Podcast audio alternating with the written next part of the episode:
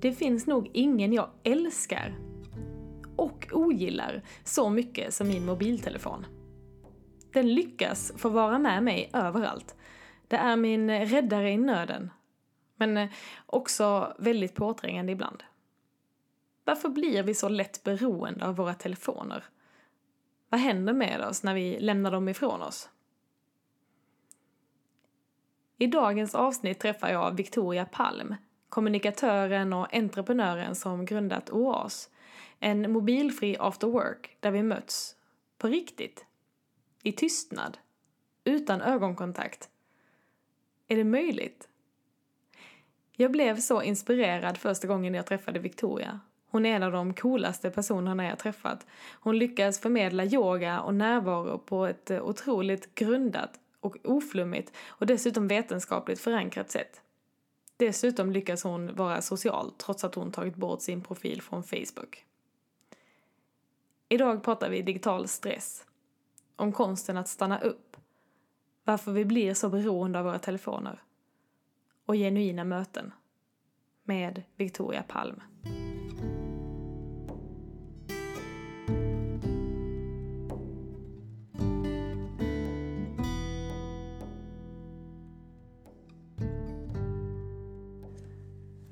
Hej Victoria! Hej! Vad kul att eh, ha dig med i den här podden. Så himla kul att vara med. Du eh, är ju en av mina stora förebilder som har lyckats med det där att avsäga sig från Facebook. Ja. Hur länge har det varit så? Sen januari 2017. Mm. Så ett och ett, drygt ett och ett halvt år. Mm. Så skönt. Mm. Jag är alltid imponerad över hur, hur det går och hur man lyckas vara så pass social som du är ändå eh, utan Ja. att vara med i det mest sociala nätverket kan jag tänka mig. Jag är nog mer social nu än när jag hade Facebook. Mm. Det är intressant. Mm. Faktiskt. För du eh, är eh, utbildad journalist Mm. och har en bakgrund där du har jobbat mycket med kommunikation. Och det gör du fortfarande fast på lite annorlunda sätt. Just det. Eh, Och jobbar med tystnad och eh, eh, förebygga och prata om digital stress. Kan inte du berätta lite kort vad det är du jobbar med egentligen? Det jag jobbar med är... Ja, men jag och min sambo har byggt upp ett företag som hjälper individer att hit, förstå sin digitala stress. Att se den och förstå var den kommer ifrån. Men också hur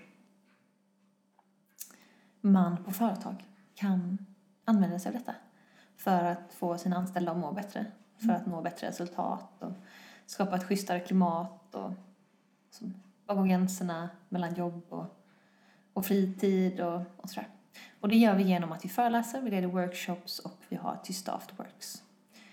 Ehm, Så det finns lite olika vägar att gå om man vill arbeta med digital stress och välmående. Ehm, Om man kom, alltså, kontaktar oss. Jag blev så inspirerad av det här första gången jag hörde talas om detta eftersom att jag själv brinner mycket för att få ut essensen av yoga. Bort från yogamattan och ut i vardagen och ut i företaget och hur vi kan använda yoga för att ja, men rikta fokus inåt och lära oss någonting om oss själva. Och det känns som att ni har hittat ett koncept där ni lyckas förpacka det här på ett väldigt bra sätt eh, som är otroligt lättillgängligt och som verkligen är eh, rakt in i vardagen och rakt ut till väldigt lättillgängligt för alla. Vad fint. Ja. Vad härligt att du tycker det. ja. Det var lite vårt syfte. Mm.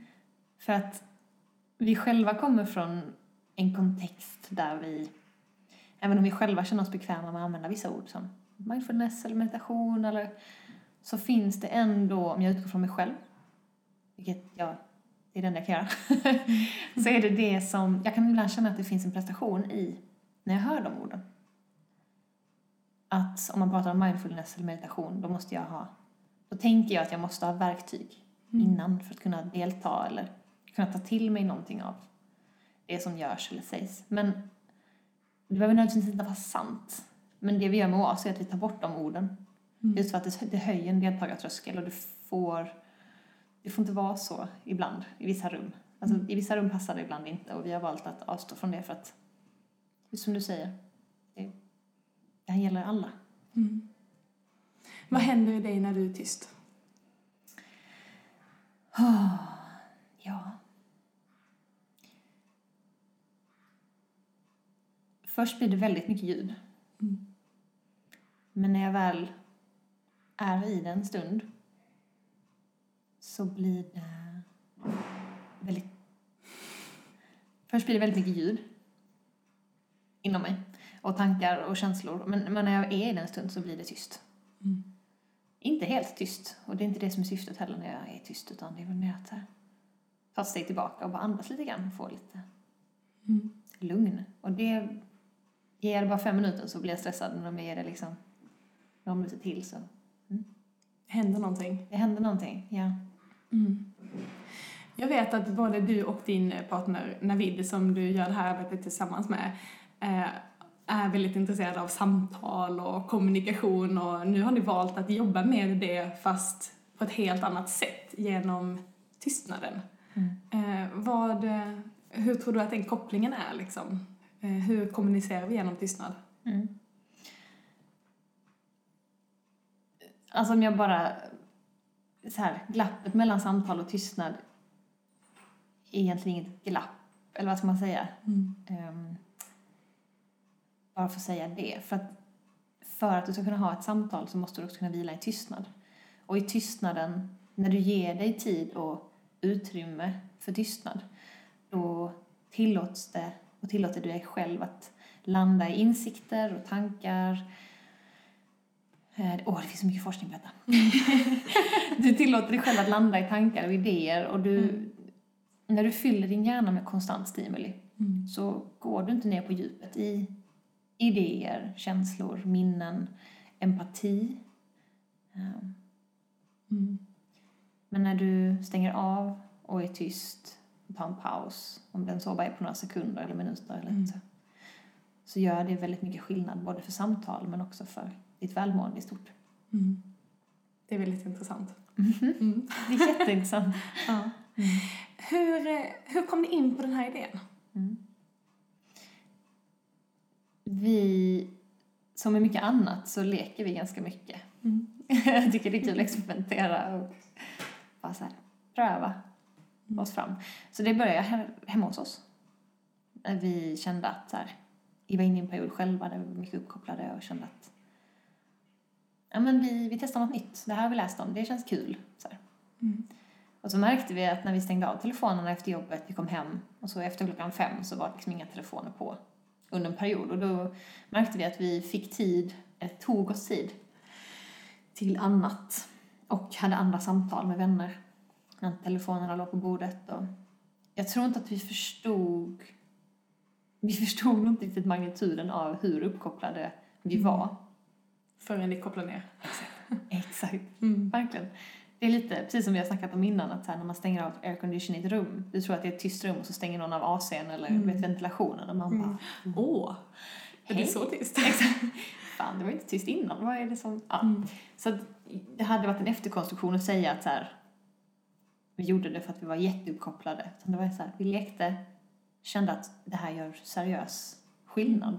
Mm. Och sen så började vi läsa på forskning om det också, när vi började märka att det gjorde skillnad. Och hittade då samband mellan konstant uppkoppling och psykisk ohälsa och stress ehm, och utbrändhet. Och inte bara dystopiska saker utan så här att vi som människor mår bra rent biologiskt och som sociala djur, som de sociala djur vi är. Att också ta en paus från det som är framåtrörelse. Mm. Att det kan gynna oss jättemycket. Och då så började vi applicera det på vårt, våra jobb och liksom på näringslivet i stort. Och började väva in det i det vi redan gjorde. Och sen Mm. så var det så här, nej men det här, det här måste vi ju, måste ingenting men måste, måste dela vidare det här till fler. Det är Mm. helt fantastiskt. Mm. Och det digitala är ju underbart. Mm. Och världen kommer bara bli mer digital och mer uppkopplad och gå snabbare och snabbare. Exponentiella, exponentiella kurvan. Ehm, men ja, och i den världen behöver vi lära oss att pausa Mm. för att kunna ta till oss det. Mm. För du har själv en eh, bakgrund av eh, stress. Mm. och eh, själv känt av den stressrelaterade ohälsan. Mm. Vad var det som drev dig till den, tror du? Än en gång så var det nog för att jag inte såg eller gav mig tid att känna in det på den platsen jag var just då. Jag, jag pluggade, Mm. jag arbetade, jag jobbade ideellt också. Jag pendlade till Malmö eh, tre timmar med tåg liksom, varje helg, varannan helg. Liksom hade, jag sa inte nej till någonting och jag var mitt uppe i det och när man är mitt uppe i det som med mycket annat så ser man inte Mm. ser man inte hur fort det går förrän man kliver av. Mm. Och jag tror det var att jag kunde inte säga nej. Um, fyllde allt jag kunde fylla. Mm. Mm. Mm. Och då bildade ni OAS. Då bildade, alltså just då var det, det här var när jag pluggade, Mm. ganska länge sedan. Mm. Så jag har ju hunnit ha andra jobb däremellan och säga upp mig och du vet, gjort massa konstiga saker. Mm. Ehm, men precis, vi bildade OAS när vi väl började förstå vilken effekt detta skulle kunna ha för mångas välmående. Mm. Ja. Och för vårt eget välmående. Mm. Inte Så. minst. Mm. Vad härligt. Eh, jätteintressant. Ja. Vad härligt också att prata med en skåning för jag känner att nu kommer min skånska komma till sin fulla rätt. ja! ja, så Vad lycklig. Bring it. Ja. Den, den digitala stressen, Mm. vad, eh, vad innebär det egentligen? Vilken bra fråga. Mm. Jag vet att det är någonting som ni jobbar väldigt mycket med Mm. eh, och någonting som jag tror att vi alla drabbas av mer eller mindre oavsett om vi vill erkänna det för oss själva eller inte. Mm. Men vad, vad är digital stress egentligen? För att, om jag säger här då. Att framea det... Jag framar det som ibland pratar om på föreläsningar, att den digitala världen fungerar väldigt mycket som socker. Mm. Och förr i tiden när vi var ute på savannen, eller vi, vi var hunters and gatherers, vi, vi samlade mat, så fanns det inte så mycket socker. Och när vi väl fick tag i det så hade vi en fest. Liksom. Det var helt fantastiskt. Wow, vad var det? Ja, det På tal om tystnad. Eh, det fanns inte så mycket socker, så när vi väl fick tag i det så hade vi en jäkla fest. Och i och med att det inte fanns så mycket av det så fanns det ingen biologisk anledning till att eh, försvara sig mot förstärkningar av det.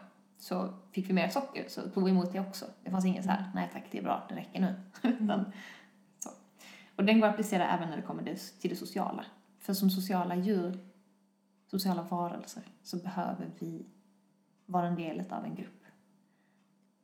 Men herregud, får spädbarn eller människor inte närkontakt eller kärlek, de, Mm. man dör ju. Alltså det, det, man behöver vara en del av en grupp, man behöver känna tillhörighet och Absolut, en av de viktigaste faktorerna för hälsa och känsla av sammanhang och mening. Ja, ja. Ja. Ja, men verkligen. Så på den vägen att då kunna ha hela världen i sin bakficka Mm. Och ha sina kontakter och ha en- den här... du- Det digitala, än en gång, är helt fantastiskt och vi har mycket kontakter där. Men att inte ha kontakter utanför det, Mm. mm, det kan ge oss en illusion av att vi är mer sociala än vad vi är. Mm. Att vara ständigt uppkopplade med våra telefoner. Medan jag menar på att det är fantastiskt och mycket av det är bara tomma kalorier. Du blir aldrig riktigt mätt. Mm. Du kan käka hur mycket Facebook-statusar som helst, du kommer ändå inte bli mätt liksom. Mm. Ugh. Och på den vägen menar jag på att jag tror att vi ibland glömmer att vi har ett val. Mm. Att vi har ett val att bestämma när vi ska vara uppkopplade och inte. Mm. Att jag tror att vi gör oss passiva. Och att säga att... Alltså att det, ja, det är Mm. klart samhället kretsar kring att vara uppkopplad och att vara på Facebook och vara, Mm. Ha sin jobbmail när man ligger i sängen. Liksom. Men det, det behöver inte vara så. Jag tror vi glömmer det väldigt Mm. lätt. Det har blivit väldigt mycket norm och väldigt mycket snabbt också. Bara de senaste tio åren har detta Mm. varit någonting som har... Det är lätt att förlora sig själv i det. Det är lätt att förlösa sig själv och Ja. att man har ett val. Ja, och det är lätt att helt plötsligt börja mäta sig med hela världen. Mm. Istället för att mäta sig i det lilla lokala Mm. här och nu i det som faktiskt är djupt kanske. Ja, precis. Ja. Och när då hela världen uppmuntrar dig att vara uppkopplad och online och nåbar och Mm. tillgänglig hela tiden. Mm. Vem är du då att säga nej? Eller så här, Mm. Det finns en stress också att, in, att, att missa saker. Det Mm. finns en stress i det till en början att stänga ner. För att rädslan att bli utstött ur gruppen eller ut, missa saker är så Mm. närvarande. Mm. Vad tycker du hände för dig personligen då när du valde att stänga ner? Ja, jag gjorde de sakerna som jag satt och drömde om att jag ville göra. Mm. Sen fyllde jag inte min kalender. Det handlar inte om att jag fyllde den med andra saker. Utan Mm. det handlar mer om att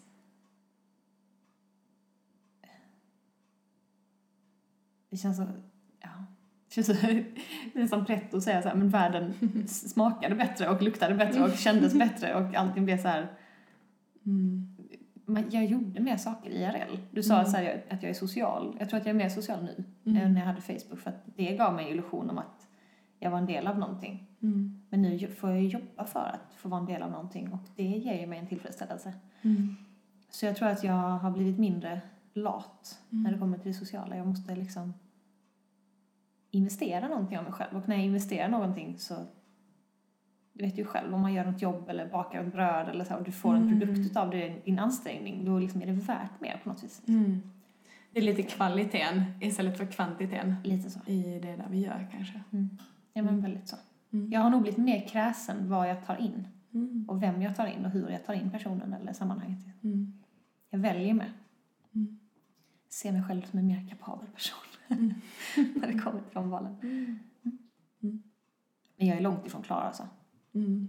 Mm. Det är lätt att dras med i det där. Mm. Men det kanske har någonting med vår eh, hjärna att göra. Dras med i... I... Eh, eh, ja, men jag tänker att det är så kopplat till beteende också. Eh, och att det väcker väldigt starka drifter i oss. Just det här att ha telefonen med oss. Vi söker efter faror till exempel. Och när vi har den där telefonen där som ständigt påminner oss. Jag vet att du har forskning på detta här också. Eh, men att det, det styr vår uppmärksamhet lite grann hela tiden till sig. För att vi aldrig riktigt vet när det plingar till. Eller vi aldrig riktigt vet. Mm. Eh, jag vet att du har forskning på det här. Så vad... eh, Ja, vad säger forskningen? Vad gör telefonerna med oss? Okej, nu tar jag mig friheten att bli lite dystopisk. För att Mm. jag, jag, jag vet att det Vi finns en börjar nyans. där. Vi börjar där. Det finns en nyans. Jag gillar inte att bara ta ena eller andra sidan. Men nu, Mm. nu tar vi den lite mer icke-positiva sidan här. Mm.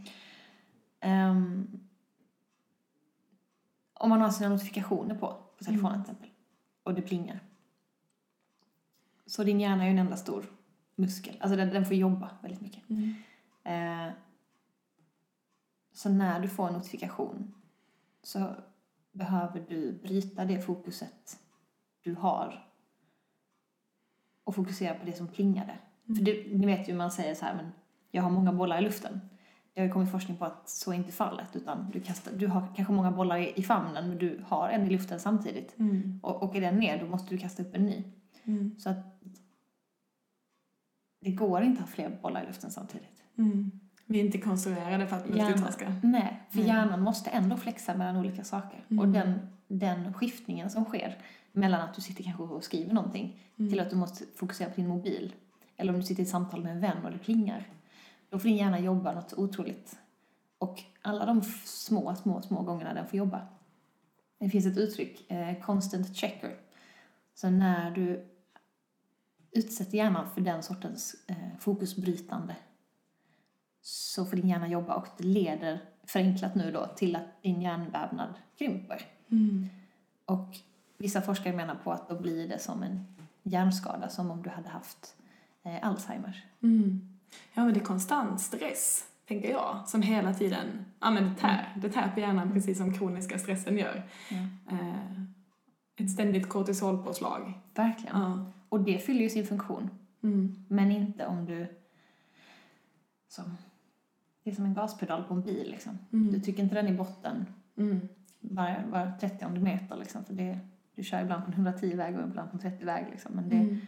Du sliter ut den till sist liksom. Mm. Det är det som gör att ja, men om du är i stressade miljöer eller du blir stressad och du höjer Mm. de nivåerna så kommer de... Mm. Vi måste lämna bilen på service också. Exakt. Inte bara köra. Exakt. Ja. Den måste få chilla lite i garaget. Ja. Så, ja men det är bara en av många. Ehm, och inte bara så här vad som händer med hjärnan utan också vad som händer med dina relationer. Ehm, man har gjort en undersökning på 800 personer. Mm. Alla fick göra ett datoriserat test. Alla fick göra samma, det var ganska basic. några av dem fick ha sina telefoner avstängda på bordet. Några Mm. av dem fick ha dem avstängda i väskan. Och några av dem fick ha dem avstängda i ett annat rum. Och bara blotta åsynen av en telefon symboliserar att det pågår någonting annat någon annanstans. Och du missar det. Så de som hade den på bordet, även om den var avstängd, de presterade avsevärt mycket sämre Mm. på det de gjorde. För att de var beredda på att hela tiden bli avbrutna. Mm. Eftersom en, en telefon i dagens samhälle, ännu mer än innan, verkligen är en symbol för att den är gjord för att plinga och för att avbryta och för att notifika- alltså skicka notifikationer. Och, Mm. Någonting viktigare händer här borta. Exakt. Och Ja. du vet inte vad det är, men du missar det. Typ. Mm. Ja. Så när du sitter med en vän på ja, men en fika, till exempel, som du har sett på jättelänge, och din telefon ligger framme. Chansen då att den personen skulle öppna sig, eller att ni skulle öppna er för varandra, sjunker något enormt när telefonen ligger framme. För att du investerar inte i, i en situation eller du delar inte någonting om du är, vet att du kommer bli avbruten. Mm.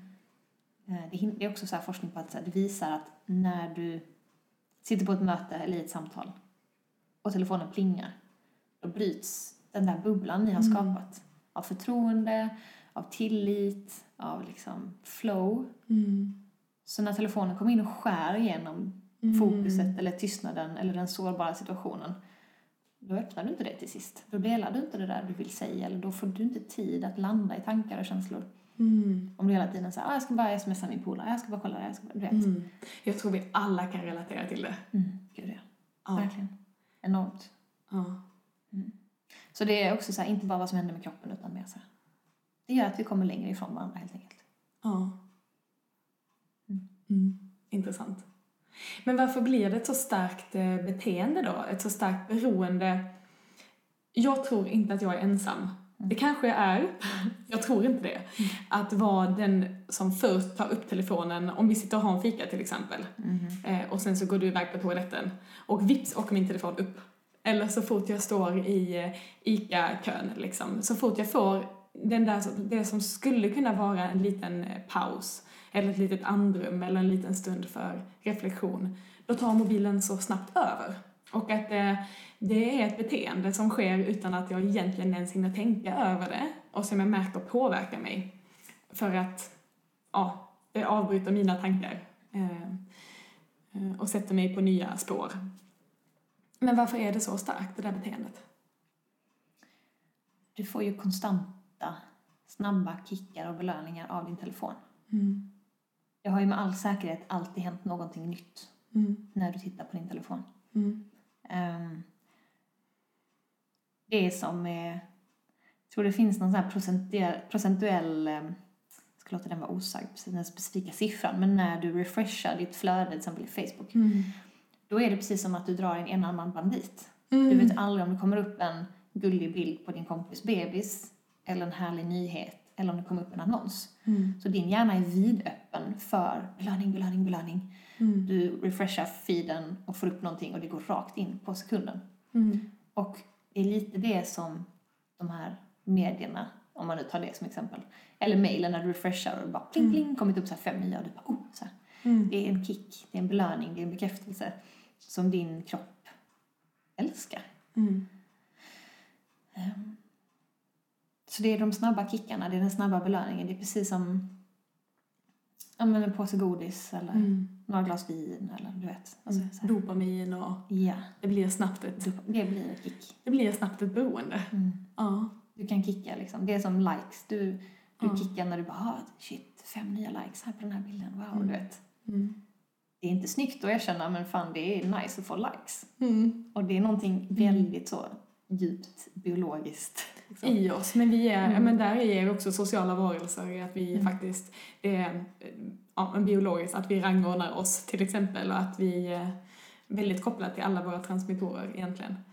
Eh, Så det är klart, det är inte dåligt. Det är helt naturligt. Vi är Ja. människor, vi är mänskliga varelser. Mm.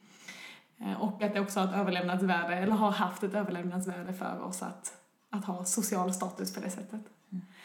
Eh, Men det är intressant för att jag, jag märker själv hur dåligt min hjärna mår av det här konstanta eh, distraktionen. Och jag, jag märker själv hur mycket sämre jag presterar på jobb till exempel om jag har telefonen i fickan eller jag har den i skåpet. Men ändå är det så otroligt svårt att bryta. Mm. Vad, vad är dina tips för att bryta det här då? För att bryta det... Alltså jag tror ju inte på förbud. Mm. Utan att, för jag tycker inte att det löser någonting. Mm. Och det är också så här, visar man kärnan till varför någonting är som det är, om man får en förståelse för varför saker är som de är, så är det möjligt att ändra beteendet. Så jag håller med. Det, det kan vara en väg att ta bort Facebook. Det kan vara en väg att skaffa en vanlig, som du vet, sten, Mm. eh, vad säger man, tegelstenstelefon utan för mer funktioner än bara ringa och smsa. Mm. Ehm, men i det långa loppet så tror jag inte man kan lösa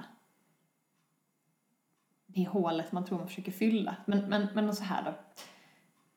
Att stänga av telefonen på flight mode och lägga den i en byrålåda i ett rum som du inte befinner dig i kan vara sjukt skönt.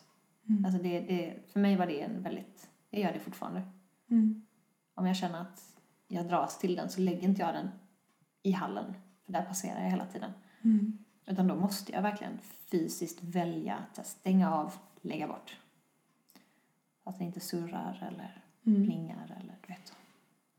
Inga notifikationer är Mm. också fruktansvärt befriande. Mm. Det kan vara jättefrustrerande för de närmsta om de så här, men hallå, vi skrev ju i chatten, du missade. Liksom. Mm. Då får man kanske bara så här, vet ni, nu kommer jag testa en vecka att stänga av min telefon mellan Mm. klockan fem och liksom, åtta. Mm. Eller bara så här på lunchen. Så här, jag kommer inte vara nåbar alls. Jag kommer lägga den i min väska och gå ut och gå en promenad. Alltså, Gud vad skönt. ja, så att man flaggar de närmsta att så här, nu tänkte jag bara experimentera lite. För det, jag tror att, att inte ta det så allvarligt. Mm. Att så här, nej men nu stänger jag min telefon, då måste jag alltid göra så. Utan att så här, pröva och leka Mm. och testa. Och ge sig själv de små stunderna och notera vad som händer. kanske. Exakt, ja. Mm. Mm. Alltså göra en liten mini-projekt av det eller bara så här, Mm. alltså whatever works. Mm. Verkligen. Mm. Ehm, också så här, bjud in till en middag utan telefon. Mm. Och berätta för alla på middagen att så här, vet ni? Ni kommer inte ha telefoner för jag tänkte testa något nytt. Mm. Så att man inte, de kommer hem till en och bara inte vet att man inte är nåbar. Mm. Så att man får den chansen att välja Mm. och planera sin tid. Mm. Och bara testa, bjud in, bjud in, bjud in, experimentera. Mm. Det skulle jag säga. Mm. Och som alltid se vad det gör för skillnad för just mig. Ja. Eh, ja, intressant. Ehm, hur använder man telefonerna smart då? För det är ändå, vi har ett värde av sociala medier och det finns ett enormt värde av att vi har den tekniken vi har, att vi kan nå varandra på det sättet vi kan. Och, eh, men hur gör vi för att använda det på ett intelligent sätt? Så det vi har sett när vi har studerat forskning och böcker och människor som har skrivit om detta är att gränssättning är en väldigt stor del av det. Mm. Och att se sin egen roll i det. Att du har ett val. Du har vant dig in med att hela tiden vara kontaktbar. Mm. Vi är som ett gäng, jag brukar säga det, vi är som ett gäng treåringar som springer till en godisbutik, trycker i oss godis, mår illa. Förstår inte varför vi mår illa, men vi fortsätter trycka i oss godis. Att så här, ta ett steg tillbaka. Och vi fortsätter säga att det är någon annans fel. Eller hur? Högst mänskligt. Ja, och det är så himla så här, men min chef vill att jag ska vara nåbar och jag Mm. behöver detta och tänk om någon ringer eller vad Mm. händer om någon så, what ifs. Mm. Men att använda den smart skulle jag säga är att att inte använda det gränslöst Utan Mm. att an- sätta gränser och utgå ifrån så här, om du, om du är på ett jobb, att du stänger av din, alltså om du har möjligheten till det, om du inte jobbar med ett jobb där du Mm. är liksom, där du har jour eller liknande. Mm. Men att du så här sätter dina gränser Mm. och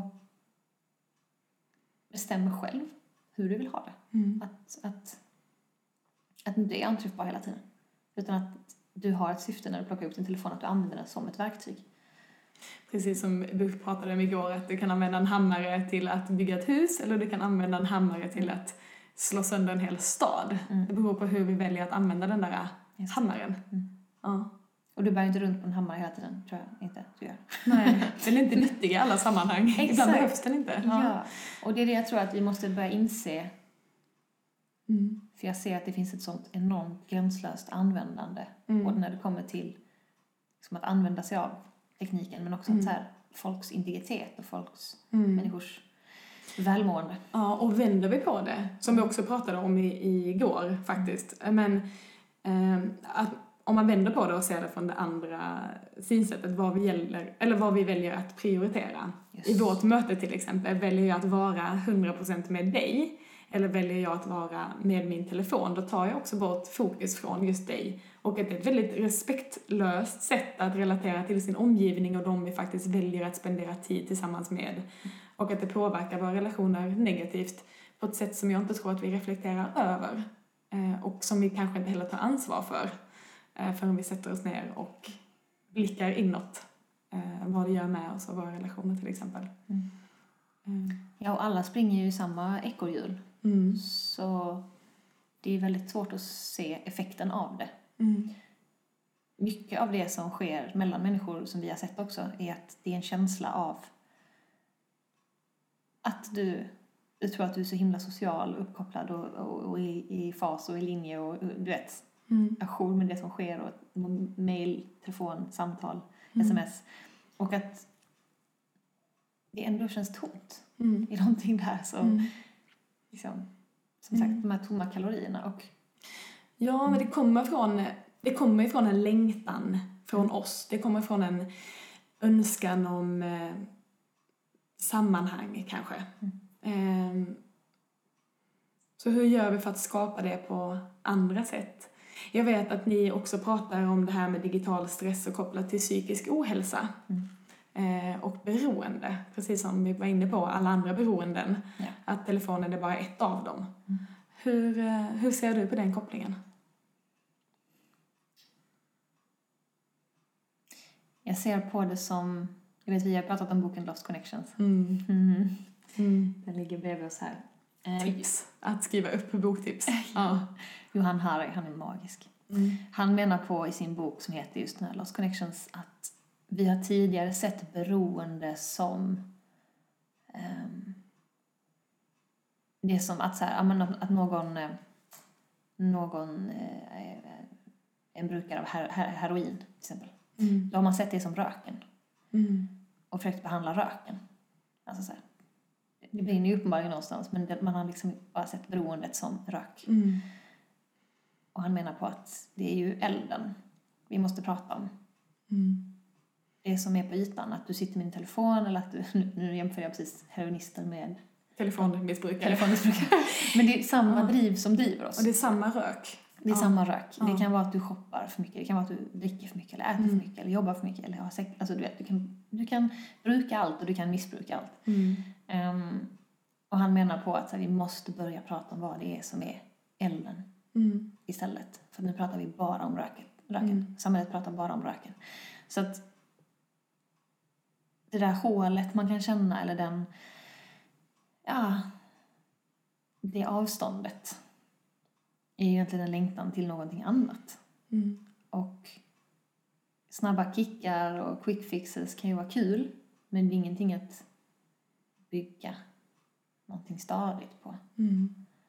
Och det är där jag menar, jag tror att förbud är så otroligt kortsiktigt. Mm. Så när man pratar om eh, mobiler i skolan till exempel, Mm. så är det antingen så här, men antingen får barnen använda paddor och telefoner och datorer fritt, det är fritt, Mm. fritt, fritt. Eller så är det förbud, så här, inga telefoner i skolan. Mm. Ja, fast varför blir det alltid så svart eller vitt? Jag är så trött på det. Jag är så trött att allting blir så polariserat. Att två tankar inte kan få finnas samtidigt. Att så här, ja, precis som du säger med hammaren. Så ibland kan det vara ett bra verktyg och ibland så behöver vi någonting annat. Det är som när du äter. Alltså så här, pasta är ju magiskt gott. Mm. Men inte varje måltid. Mm. För att då mår du inte bra. Mm. Det är inte det att pasta är djävulens. liksom. Det är bara inte bra att äta hela tiden. Mm. Precis som det inte är bra att vara stirrandes i sin skärm hela tiden. Mm. Så. Vet du vad jag fick lära mig häromdagen förresten? Nej, berätta. På tal om att stirra skärm. Ja. Det var en tjej efter en föreläsning jag höll som kom fram och berättade att hon hade svårt att kolla på längre distanser. Mm. För när hon tittade över rummet så kände hon att det blev liksom, det är svårt att fokusera blicken. Mm. Eh, Just för att det är många som menar då på att när vi har telefonen framför våra ansikten och fokuserar blicken på någonting som är väldigt nära hela tiden, Mm. då, då försämras din blick. Då har du svårt att liksom vara ute och fokusera långt, Mm. på långa avstånd för att Yes. du anpassar dig och blir liksom Ja. väldigt nära. Ja. Ehm, Så. Eh, stämmer. Berätta mer. Vet du mer om detta? Ja, lite grann faktiskt. Jag hade en eh, föreläsare på läkarprogrammet som pratade om eh, ögonen och vårt, eh, hur viktigt det är att sätta sig ner och eh, titta på horisonten. Och då både ur, ett, ur ögonens liksom, synvinkel, att vi, att vi måste... Det blev lite... eh, sett ur ögonens perspektiv. Det var lika dåligt. Eh, att det är väldigt bra för ögonen att titta på någonting långt borta. Mm. För att just slappna av i de här musklerna som måste jobba väldigt mycket när vi ska fokusera blicken på nära håll. Så just för att få en avslappning där i och, och låta ögonen vara liksom, flexibla, anpassningsbara. Eh, men han sa det också på ett sånt fint sätt att ja, och sen behöver vi också den här tiden för kontemplation och stillhet och att vi sätter oss och tittar på horisonten för att koppla av och koppla bort. Och jag har verkligen burit med mig det eh, genom hela utbildningen och eh, i livet i lag. Liksom. Att, eh, och, och för att återkoppla också till det här med stillhet och tystnad. Hur viktigt det är för oss med de där stunderna av total tystnad.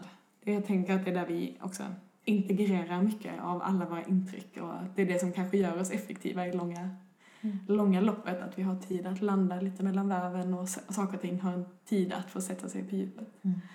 Eh, Ja men verkligen. mm. Bara som en sån enkel grej som att sitta på toaletten. Mm. Att bara låta det vara en stund för att inte göra någonting. Liksom. Mm. Total tystnad, som du sa, det kan ju vara så utmanande att hitta i dagens samhälle. Men det Mm. finns ju, alltså, du anstränger dig och Mm. ser dig som en kapabel person, kapabel person som kan välja och liksom ta dig tiden. Mm. Så får, går det. Ehm, och det finns ju forskning på det också. Mm. Vad säger forskningen? Hur mycket tystnad behöver vi ha? ehm, ja, alltså det är det är ytterst olika. Um, jag menar fem minuter tystnad är bättre än ingen. Mm. Verkligen. Den här forskningen har dock gjorts på två timmars tystnad. Mm. Och det har vi ibland när vi har tysta AVs. Men ehm, det här var en, en kvinna som heter Inke Kirst som gjorde ett, eh, eh, här, prover på möss. Inte de nasty kind som sagt, utan mer. Mm. Hon lät de här mössen vara i total tystnad i Mm. två timmar om dagen. Mm. Och det visade sig att det ledde till en cellutveckling i hippocampus. Och de här mössen Mm. mådde avsevärt mycket bättre. Mm. Hade ett mycket mer socialt och lugnt liv um, Mm. än de andra mössen som var konstant exposed för, alltså exponerade för massa ljud och stimuli hela, hela tiden. Mm. Och när det blir den här cellutvecklingen i hippocampus så har du lätt, då får du lättare tillgång till känslor och minnen och tankar när det kommer till liksom, du, du kan skapa mening utifrån erfarenheter, du kan få tillgång till empati. Mm. Så att du, din hjärna liksom laddas i tystnaden. Mm. Den laddas när du pausar. Mm. Och det för mig var väldigt så slående att vi fyller våra dagar och liv och kalendrar med saker som ska göras för att vi ska vara så effektiva och Ja. nå så bra resultat som möjligt. Och det enda vi egentligen behöver göra det är att rensa. Ja. Alltså rensa. Ta bort. Ta bort. Ja. För att det kan vara så, det kan kännas konstigt att ta bort. Mm. Men För att bli mer effektiv. Det låter ju så konstigt att säga det. Mm. Men så självklart när man väl fattar grejen. Ja, Ja. det är typ det bästa som finns. ja. Vi kommer inte så långt när vi bara springer runt hela tiden. Mm. Ja. Nej. Ja. Som små skator. Eller? Som små skator. Flaxar febrilt och typ krockar med ett fönster typ. Ja, och jagar och plockar hem. Och jagar och plockar hem Ja. Det är ett internskämt för vi hade väldigt roligt åt det här igår när vi liknade vår mänskliga existens som skator. Ja, men det ligger någonting i det. Skator med kundvagnar. Mm. Precis. Ja, gud. Ja. Men vi är lika roliga allihopa. Ja. Men ni, ni jobbar med det här OAS då. Ja. Eh, Och eh, där ni vill sprida tystnad och sprida mänsklig kontakt genom tystnad. Eh, Vill du berätta lite mer om det här konceptet? Mm. Vad är det ni gör konkret? En av de sakerna vi gör är att vi har de här tysta afterworksen. Mm. Och det har verkligen varit något som har tagits emot med öppna famnar Mm. runt om i landet. Mm. Och det känns så fantastiskt fint för att det är så många olika famnar som har öppnats. Ehm, och senast vi gjorde en stor sådan var vi på eh, Göteborgs konserthus. Med, hade samarbete med Stendals och Creative Mornings och eh, Symfonikerna i Mm. Göteborg. Och då hade vi en två timmars då hade vi inte total tystnad utan då hade vi musik från Symfonikerna. Mm. Det var 140 pers som i Götaplats foajén Mm. njöt. Utan ögonkontakt, utan klockor, utan telefoner. Magiskt, så enkelt. Ja, och det lämnade sådana stora ringar på vattnet. Mm. Så, men det, det är inte helt olikt från det vi brukar. Vi, Mm. Ska du gå på en tyst after work så anmäler du dig. Du har de här tre reglerna innan som du vet att du kan falla tillbaka på. Vilka är de tre reglerna? Det är offline, tystnad och respekt. Mm. Offline för att vi ska skapa det här trygga rummet där det är fritt från eh, notifikationer, att det ska plinga, att det ska surra, att någon vill nå dig hela tiden. Så... ehm,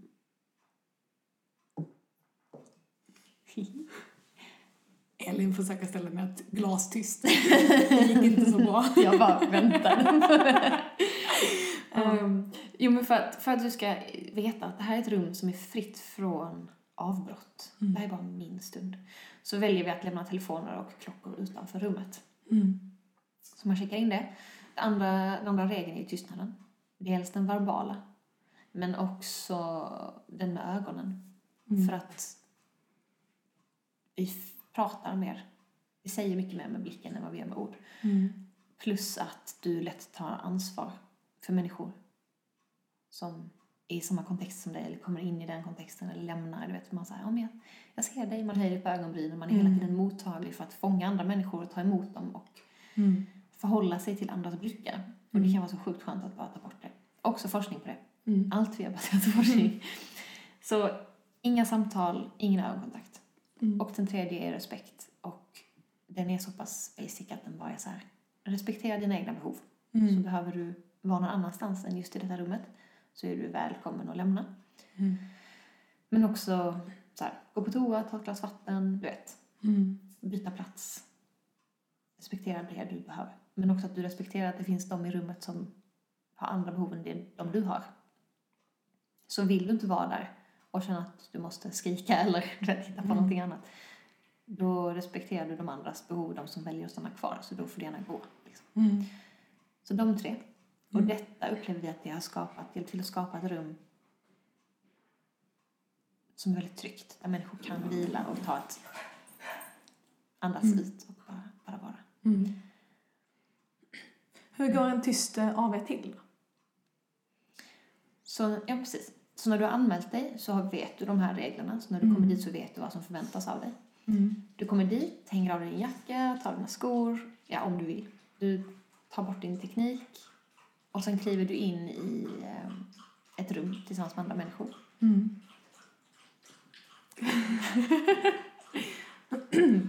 Herman dricker ur sin vattenskål. Det hörs va? Herman är en hund. Kanske. Ja. Herman. Så du lägger undan din teknik och kliver in i ett rum och är i total tystnad Mm. i två timmar. Om du vill, alltså dörren är inte låst. Mm. Så du lägger dig ner, du sätter dig upp. Alltså du får Mm. göra det du behöver med din kropp. Mm. Så länge det inte stör någon annan. Får man yoga? Det är faktiskt ingen som har gjort det hittills. Mm. Men jag säger det, så här, känner du att du behöver byta plats, eh, gå ett varv, sträcka på dig, så gör Mm. det. Kanske ett full-on yogapass mitt i rummet kan vara distraherande för många. Så Mm. det skulle jag inte råda till. Är hektiska andningsövningar. Det kan också vara det. Inte okej. Typiskt. Ja. Hatar när det händer. Respektera. Ja. Och sen eh, det vi har, alltså du får inte ens ta med dig skrivblock in, Mm. eller en stickning, eller vara smygproduktiv. Att så här, men då hinner jag läsa min bok. Mm. Det är också fint, Mm. fast det här är inte platsen för det. Det här är din plats där du kan göra ingenting, där du Mm. bara så här, det här är... Gratis tid. Ja, en tom parentes i en Mm. väldigt späckad vecka. Mm. Och det enda du egentligen kan göra i rummet, förutom att så här, blunda eller titta eller stå eller ligga ner eller sitta, så är det att vi har pärlor med in i rummet. Det är så gulligt. Ja. Och det kan antingen vara pärlor, det kan vara ärtor eller ris eller alltså så här plottrigt smått som du kan räkna eller sortera. Mm. Inte göra pärlplattor eller halsband eller titta Mm. vad duktig jag är, jag har ritat en teckning. Utan så här, du ska inte kunna prestera. Utan så här, har du haft en hektisk dag, Mm. det är också baserat på forskning, Mm. så är det fantastiskt att kunna få ut den energin. Om du kommer från en jobbdag Mm. i 120 km i timmen och kommer in i det här rummet där du vill vara. Mm. Men det kan ändå vara utmanande. Det behöver inte vara negativt, men det är bara annorlunda. Så kan det vara skönt också att ha en möjlighet att pilla med någonting. Mm. Jag älskar det. För det gör att jag så här zonar ut mina tankar. Min andning lugnas och jag kan bara så här sortera ut gröna pärlor liksom i min Mm. hög. Och bara så här en, två, bla, bla, bla. Mm. Och sen har det gått en timme. Och sen, Mm. Alltså du vet. Man hänger upp hjärnan på något form av monotont eh, arbete som inte är så kopplat till känslor eller Mm. gamla betingningar eller... Exakt. Ja. Och det hjälper dig att koppla bort från vissa tankemönster som du annars skulle gå in i. Mm. Så det kan vara skönt att få den distraktionen. Wow, intressant. Mm. Mm. Så det kan låta så här, åh, pärlor, gulligt. Fast Det finns en det tanke bakom. fyller Mm. en funktion. Mm. Mm. Ja. Vad brukar reaktionerna vara efter en sån här uh, after work? De, som, de första jag ofta får är att vad fort det gick. Mm. När jag gör det på företag så brukar jag göra en utcheckning i slutet. Mm. Eh, Och det betyder att jag ställer en fråga. Det kan variera. Många gånger så är det att vad la jag märke till hände Mm. under tystnaden.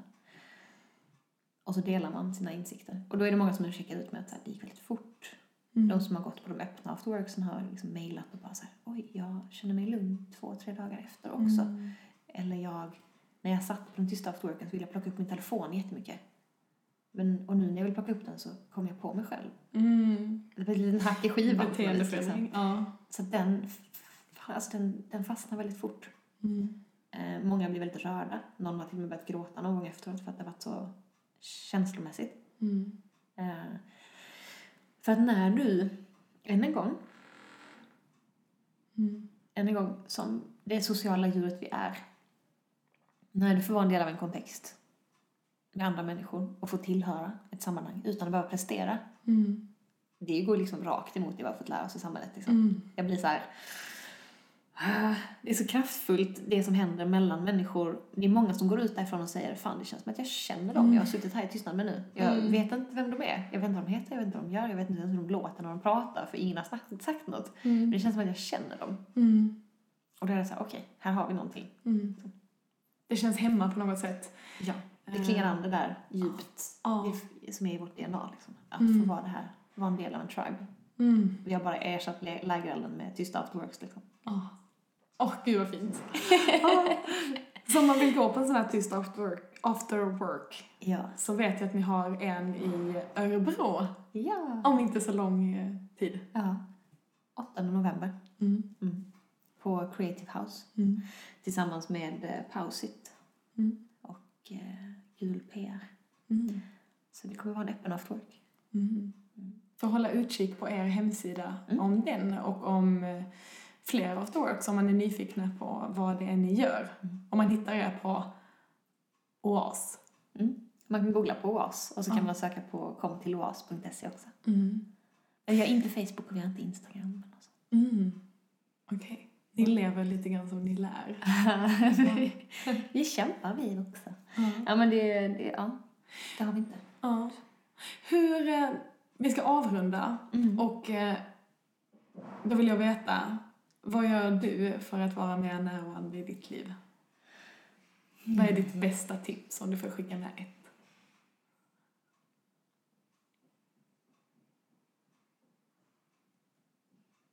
Dela liv med en hund.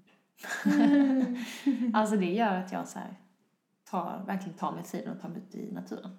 Mm. För jag mår som bäst i naturen. Mm. Verkligen. Omgiven av mossa och granar och små Mm. stigar och bäckar och bär och svampar och sånt.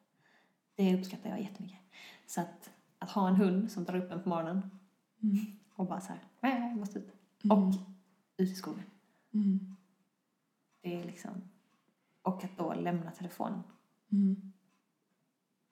Det är ett ord som dyker upp i mig när du säger så, som jag har känt sedan jag träffade dig första gången och det är grundad. ja, kan det ha någonting med naturen att göra kanske? Kanske. Jag var väldigt mycket i naturen som barn också. Mm. Så den betyder väldigt mycket för mig. Mm. Vad fint. Jag vill ha mer av det i mitt liv också. Mm.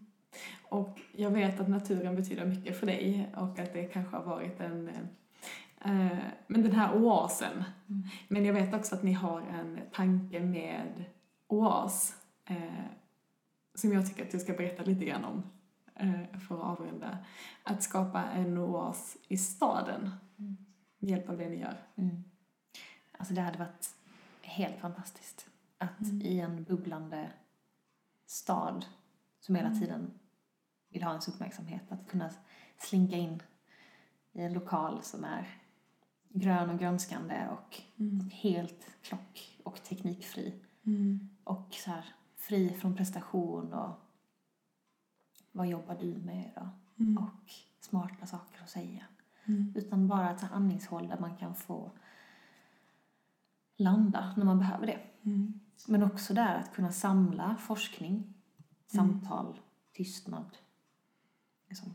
Mänskliga möten. Mm, mänskliga möten Mm. i de här formerna. Liksom. Mm. Och än en gång sänka tröskeln för deltagande Mm. och eh, ja, men erbjuda någonting som digitaliseringen Mm. Det kommer ju bara gå snabbare. Mm. Vi kommer bli mer uppkopplade. Vi ser verkligen att en stor valuta i framtiden kommer vara lyssnande och Mm. lugn.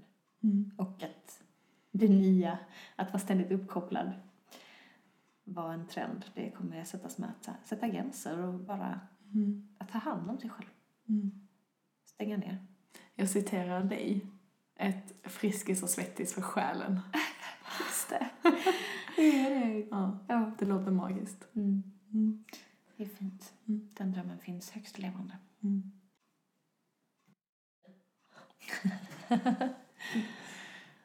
Ja.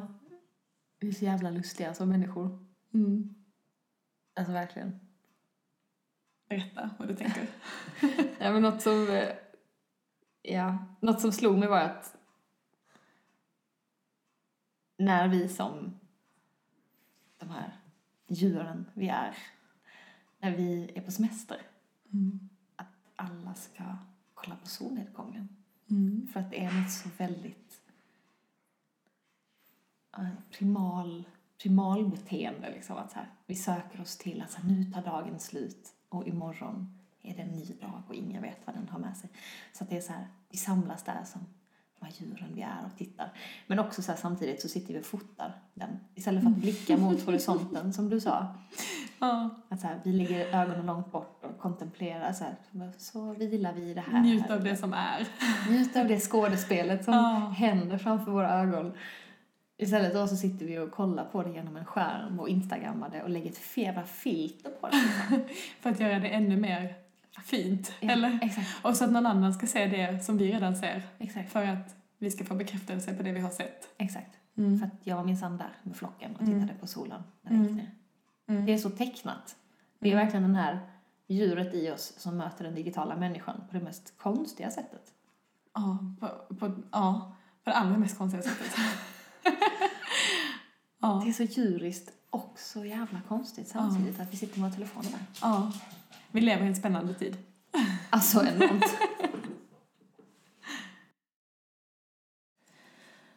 Nej, men det är så intressant det här du säger att folk går ut och det här tysta rummet och eh, även om man inte har pratat, att man känner att man har delat någonting och man har delat någonting som är djupt på ett annat sätt. Och jag relaterar till det väldigt mycket i det som händer i yogan till exempel. Ehm, Efter en yogaklass, har vi inte pratat med varandra men vi har delat någonting som gör att vi känner oss väldigt extremt connectade. Ehm, ja. ja, jag kan verkligen relatera till det. Att det är samma sak som händer på yogaretreats till exempel, eller yogaklasser. Ehm, ja, väldigt fint. Det är någonting där. Mm. Det är någonting där. Ja, som är svårt att sätta fingret på exakt vad det är. Eh, Men en form av djupare kommunikation som vi egentligen inte ens kommer åt. Hur mycket vi än försöker prata om det så är det som att det inte finns ord som vi kan sätta på det. Det försvinner så fort man försöker prata om det. Mm. Eh, Som om att när vi får den där chansen att vara i tystnad och gå in i oss själva eh, att det också är en... Vi kommer i kontakt med någonting djupare i oss. Och när vi låter det möta det som är djupare i någon annan, ja, orden räcker inte till. Verkligen. Jag tror det är lite samma sak som hände en gång när min sambo då var i skogen med några vänner. Och innan han hittade dem så gick han genom skogen själv, en liten bit. Helt själv. Och så när han var i skogen så blev han väldigt självmedveten helt plötsligt. Och bara stannade. Och bara tittade sig omkring. Och det kändes som att han... Han bara, det var någon som tittade på mig, jag svär, det var någon som tittade på mig. Jag blev liksom nästan lite så paranoid. Eller så här, vad fan, det är någon som... Jag är iakttagen här. Och så fortsatte han och sen så berättade han det efteråt. Och så pratade jag om så här, men djur eller vad det är liksom, som jag iakttog. och sen så landade jag i en insikt att så här, fan, det kan ju vara också så att du iakttog dig själv. Mm. Att du Åh, kände dig iakttagen. Att du kände dig iakttagen av dig själv. Mm. För att du, den, liksom, din inre röst eller din, liksom, ditt lugn eller ditt, Mm. vad du nu än vill sätta för ord på det, ble, gjorde sig hörd när det blev så tyst. För du, du har ju aldrig annars tyst runt dig. Mm. Och det krävs en viss eh, längd av tystnad eh, innan vi kommer dit, till det stadiet tror jag. Innan vi gärna börjar att ja, men titta inåt istället för att söka utåt hela tiden eller eh, tänka på det sättet. Jag tror alla som har spenderat en tid under längre tystnad förstår vad jag menar eh, när jag säger det. Eh, och för er som inte har testat att spendera en längre tid i tystnad så rekommenderar jag alla att göra det. Eh, för det är ett bra sätt att observera sig själv och observera sitt eget mind. Um, mm. Ja men precis, det är någonting där. Det händer något. Det händer något. Tack så jättemycket Victoria. Tack. Eh, för att du sprider inspiration och tystnad och glädje och ljus. Och eh, tack för den här timmen. Tack själv. Så fint. Mm.